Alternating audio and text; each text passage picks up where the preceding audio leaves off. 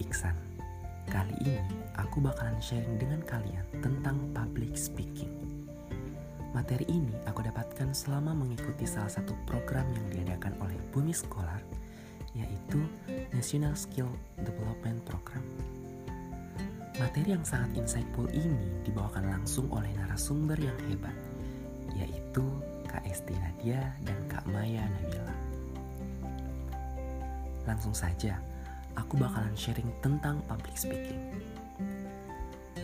Salah satu masalah yang sering dialami oleh kebanyakan orang terkait dengan presentasi atau public speaking adalah tidak percaya diri. Lantas, mengapa sih mereka tidak percaya diri?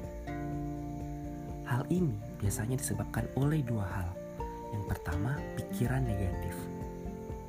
Tidak percaya diri muncul karena pikiran negatif dari dalam diri mereka merasa banyak kekurangan, merasa tidak pintar, tidak berpengalaman, dan lain-lain.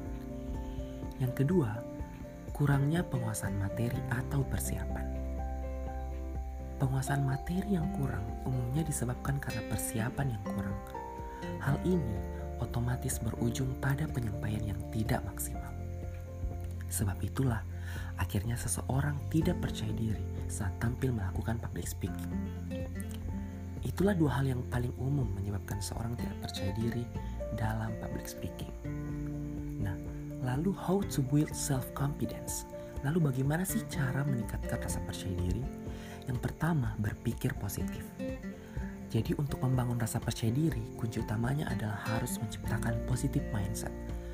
Rasa percaya diri kita hilang karena kita selalu berpikir negatif kita selalu khawatir akan sesuatu, khawatir audiens akan tahu atau melihat kekurangan kita, khawatir kalau nantinya tidak bisa membawakan materi dengan baik. Padahal sebenarnya kekhawatiran itu hanya ada di kepala kita. Kita sendiri yang menciptakan berbagai kekhawatiran dan ketakutan ketika akan tampil depan umum. Nah, daripada membayangkan audiens akan tertawa, audiens tahu kekurangan kita, mengapa sih kita tidak membayangkan audiens akan terpukul dengan kemampuan kita? Mengapa kita tidak membayangkan audiens akan kagum dan memberikan apresiasi yang tinggi? Ingat, bayangan kita bisa menjadi kenyataan. Ketika kita berpikiran negatif, maka bayangan negatif itu terbawa ketika melakukan public speaking. Ketika kita berpikiran positif, maka bayangan positif itu pun akan memancar dan membantu kita untuk tampil menawan. Yang kedua, mengenali kelebihan dan kekurangan. Ini sangat perlu loh karena dengan mengenali kelebihan dan kekurangan kita mampu percaya akan kemampuan yang kita punya. Tidak merasa minder atau merasa uh, nervous di depan orang. Yang ketiga, tidak membanding-bandingkan diri. Hal ini sangat penting loh. Kenapa sih? Karena kita tahu bahwa setiap orang itu berbeda-beda.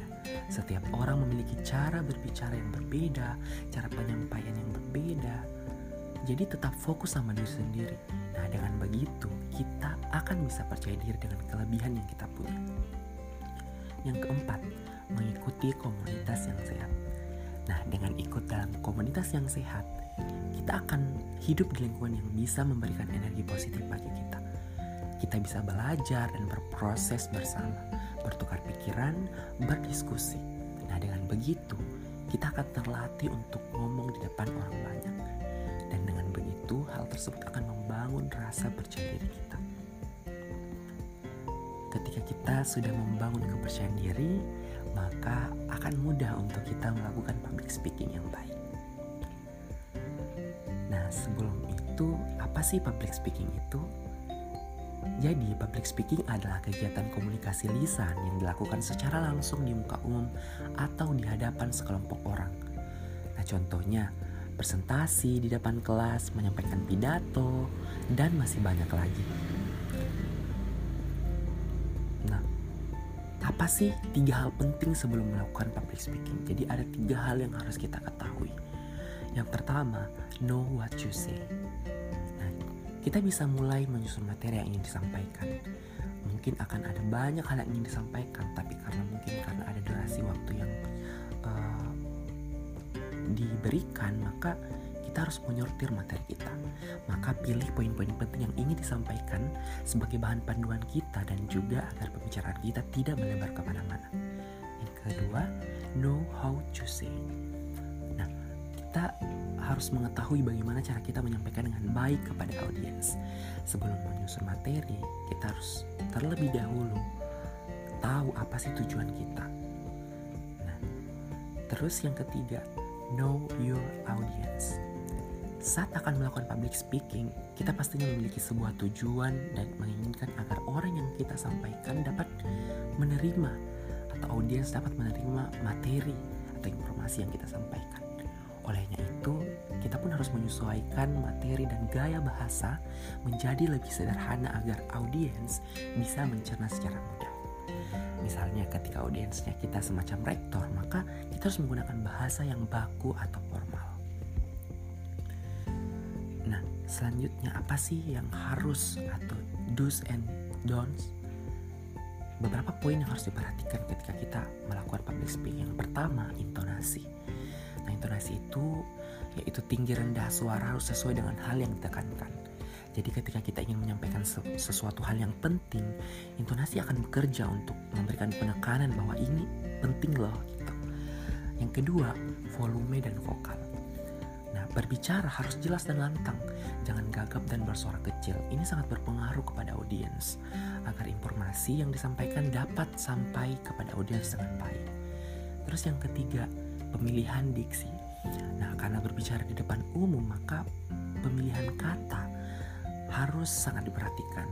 Kita harus mengenali audiens gitu agar mereka dapat mengerti apa yang kita sampaikan. Yang terakhir, gestur dan mimik wajah.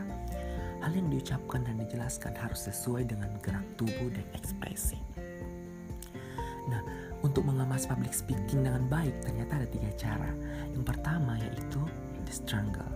Menggunakan kisah perjalanan seorang pahlawan, biasanya menceritakan perjuangan atau melakukan perjalanan yang sulit demi sebuah tujuan. Terus yang kedua ada spark lines, menceritakan perbedaan antara yang terjadi, harapan yang diinginkan dan langkah yang seharusnya dilakukan. Dan yang ketiga, Star Falls, yaitu memulai cerita tentang kegagalan yang kemudian dari kegagalan tersebut tercipta solusi inovatif untuk mengatasi dan memecahkan permasalahan itu. Nah, yang terakhir adalah tips dan trik public speaking. Yang pertama, rajin mencari informasi. Jadi mencari informasi itu penting loh karena saat kita ingin berbicara depan umum, kita harus tahu tentang apa yang akan dibahas. Nah, dengan informasi yang didapatkan dapat membuat kita bisa menguasai materi dengan baik. Sehingga kita dapat menyampaikan informasi kepada audiens berdasarkan fakta dan pada sesi tanya jawab pun nantinya kita bisa menjawab berbagai pertanyaan dari audiens tanpa ragu. Terus yang kedua, membuat poin-poin materi yang akan dibahas. Nah, dengan membuat poin-poin materi yang akan disampaikan, maka kita dapat uh, dengan mudah menyampaikan materi baik. Terus yang ketiga, manajemen waktu. Nah, ini sangat penting loh dalam public speaking. Kita bisa mampu menargetkan waktu di tiap topik yang ingin disampaikan sehingga kita dapat menyampaikan materi atau informasi memang yang pentingnya saja. Terus yang keempat, banyak latihan berbicara. Nah, sebelum menjadi speaker atau narasumber, maka memang perlu latihan. Orang yang pintar public speaking pun pasti akan latihan sebelum berbicara di depan umum. Nah, untuk melatih eh, banyak cara loh bisa berbicara depan cermin salah satunya. Jadi kita bisa melihat secara langsung bahasa tubuh kita dan cara kita berbicara. Terus yang terakhir, fokus dan cuek dengan gangguan. Ketika kita sudah mulai berbicara depan umum, kita harus fokus kepada audiens, kepada diri kita, dan fokus dengan materi yang ingin disampaikan.